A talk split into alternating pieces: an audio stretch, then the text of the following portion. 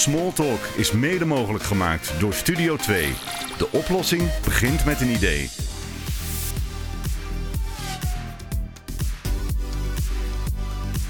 In huis, in de auto, bus of trein. Smalltalk, een podcast over sport en innovatie. Dit is Smalltalk met Ronald Stork. Geen geklets, maar gesprek. Proef de sfeer, telkens weer. Over sport, nooit te kort. Dit is Smalltalk. Small talk.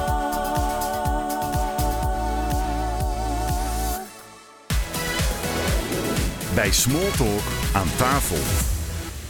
Die deed het goed trouwens, de eerste. Ja, is Ja. dat zo? Ja, ja, ja. Wat heb je teruggehoord? Nee, niks teruggehoord. Ik heb nog geen eh, feedback eh, gekregen. Maar alleen als ik... eh, ik heb er drie online gezet.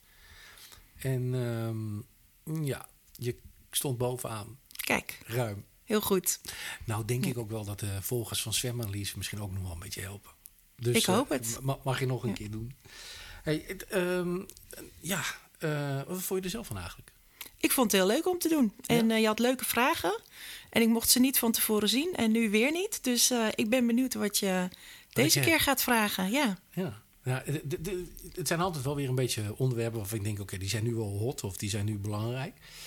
En eh een daarvan is: eh, ik, ik ga ook volgende week weer met Joop Albeda eh, zitten, die volleybalcoach. En ik las een stukje, en misschien heb je het ook gezien op Facebook. Nederlandse sportclubs hebben last van gebrekkige gymnastiekonderwijs. En vorige keer hadden we het al een klein beetje daarover gehad. En dan denk ik: oké, is dat zo? Ehm, ja bij zwemanalyse geven we veel training aan volwassenen. Maar waar je nu op doelt is denk ik eh, de, de groep, de echte jeugdgroep. Ja.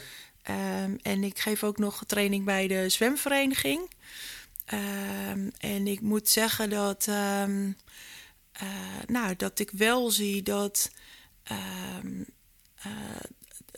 dat kinderen, denk ik, wel moeite hebben met het omzetten van wat je zegt of wat je voordoet in beweging. Ik weet niet of dat komt omdat ze minder bewegen of slechter gymnastiekonderwijs hebben.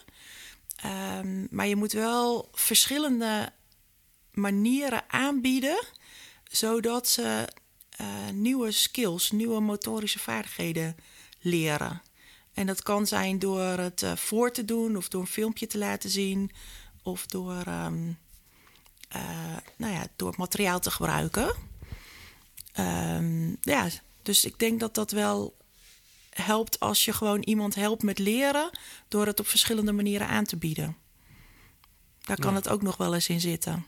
Maar denk, denk je dat eh, heeft dat te maken al met gymnastiek? Is het zo dat hè, als ik ga kijken vroeger toen ik op, eh, op de lagere school had, heel lang geleden. Ja, weet je, wij hadden met regelmatig apenkooien en, eh, Ja. en tegenwoordig wordt er een spelletje gedaan. En, ehm, maar corrigeer me als het niet zo is. Krijg ik wel een beetje het gevoel dat de leerkracht die eh, de Pabo heeft gedaan ook een uurtje gym moet geven.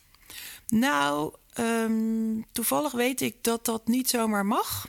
Dat je echt als ehm, eh, op de lagere school alleen maar gymnastiek, gymnastiek mag geven als je daar een aanvullende specialistische opleiding voor hebt. Ehm, maar dat heel veel docenten die niet hebben. En dat geeft op basisscholen wel de druk dat er dus per basisschool twee of drie leerkrachten zijn die gym mogen geven. En die dat dus voor alle klassen moeten doen. Eh, dan dus uit hun eigen klas gehaald worden om de gym te geven. Ehm, en dat eigenlijk een, een vakleerkracht gymnastiek op de basisschool... dat dat geen overbodige luxe is. En Maar daar zijn er gewoon te weinig van, denk ik. Want ik kan me nog gewoon echt Ja. mannen herinneren. Ik kan niet meer op de namen komen, maar die- dat waren gewoon mensen van SIOS. En die Ja. deden gewoon niks anders dan gymnastiek klopt. geven. Ja, maar het is ook een keuze die scholen moeten maken of ze het geld stoppen in vakleerkracht eh, gymnastiek of iets van muziekonderwijs of iets van, nou ja, culturele ehm, eh, expressie. Ja, het is gewoon echt een tekort aan geld, want elke school zou wel zo'n vakleerkracht willen inhuren natuurlijk. Maar ze moeten dat zelf betalen, dus ze moeten ook daar keuzes in maken. Ja, ja, ja ik snap het. Maar ik, ik denk dan wel, goh, jongens, eh, waar gaan we heen, hè? Ja. Ehm, vroeger was het buitenspelen, ging buiten voetballen. Ja. je mag bijna nergens meer voetballen. Daar heb je speciale veldjes voor, dus moet je heen willen. Maar iedereen zit achter de gameconsole tegenwoordig. Ja. En eh, we willen niet eens meer, we gaan niet eens meer live karten. We doen dan een e-racing. Ja, We helpen natuurlijk wel met z'n allen mee hè, daaraan. Ja. want je hebt ook e-battles. En, eh, maar jongens, kom op, ga zelf bewegen. ja, ja. Ja, maar goed, eh, weet je, er zit wel in het speeltuintje bij ons, de wat grotere speeltuin, is nu een hele modderbaan aangelegd en een modderkeuken. En eh, ja, daar zie ik wel in de zomer toch ook wel veel eh, jeugd naartoe gaan, omdat dat dan gewoon leuk is. Dus ik denk ook als het aanbod er is, dat dat natuurlijk wel, eh, wel aantrekt. Ja, en als ik dat even door ga trekken, dus ik kijk dan, nou, we hebben in Nederland hebben we zwemtalenten, we hebben fietstalenten, we hebben, we hebben van alles.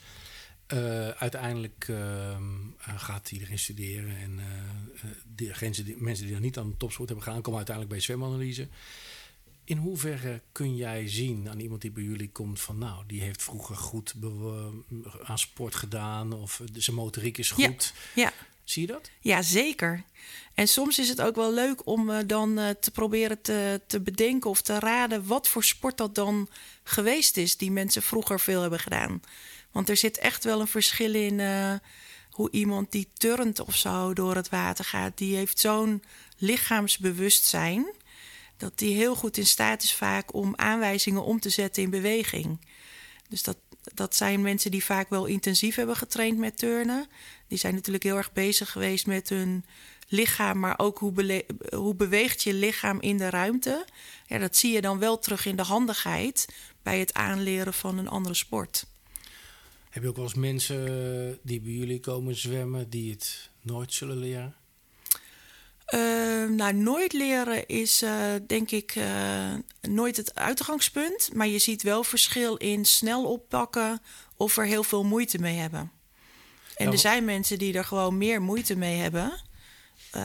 Maar dat ligt vaak aan verschillende dingen. Kun je beweging omzetten hè, in, in het water? Kun je, heb je een beetje een bepaalde lichaamsflexibiliteit? Dat helpt. Stijve schouders en stijve enkels. Ja, dat maakt zwemmen niet makkelijker. Dus als je dat hebt, kun je daar op dat moment niet zoveel aan doen. Maar moet je wel eh, daarmee eh, het water doorkomen. Ja, wat ik, wat ik het mooie trouwens vind van zwemanalyse is dat als je bij jou zo'n cursus volgt, heb je ook nog heel veel online dingetjes die je kunt doen Ja. en theorie die Ja. je kunt lezen. Ja, ja. eh, filmpjes die, je- die je krijgt. Wordt daar nou echt gebruik van gemaakt? Of zie je van mensen die komen naar een lesje en eh, dan denken ze dat ze borstschool kunnen zwemmen? Nee, nee, nee. Ik denk dat het, dat het wel helpt omdat we al die filmpjes beschikbaar hebben. En dan zeggen mensen ook tegen mij: eh, Oh, die oefening die zag ik op het filmpje. Eh, maar het is goed om hem ook zelf nu een keer in de praktijk te doen. Dus eh, ik hoor wel dat er veel gebruik van wordt gemaakt. Ja, en ook de trainingsschemaatjes die bij de cursus horen. Die eh, zie ik zelf in het zwembad regelmatig uitgeprint langs de kant hangen.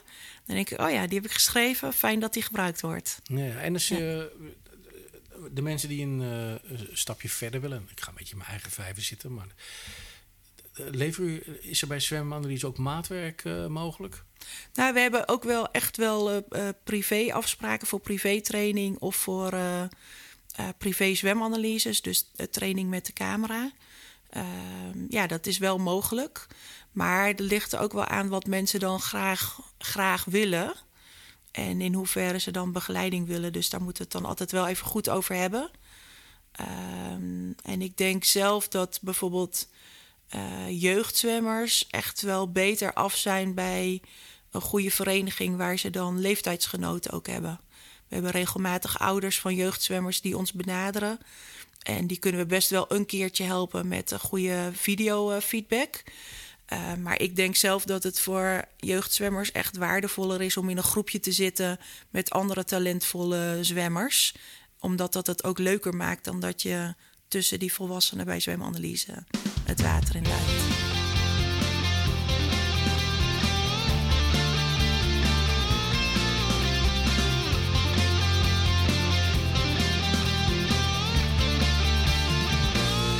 Heb je een vraag voor Smalltalk?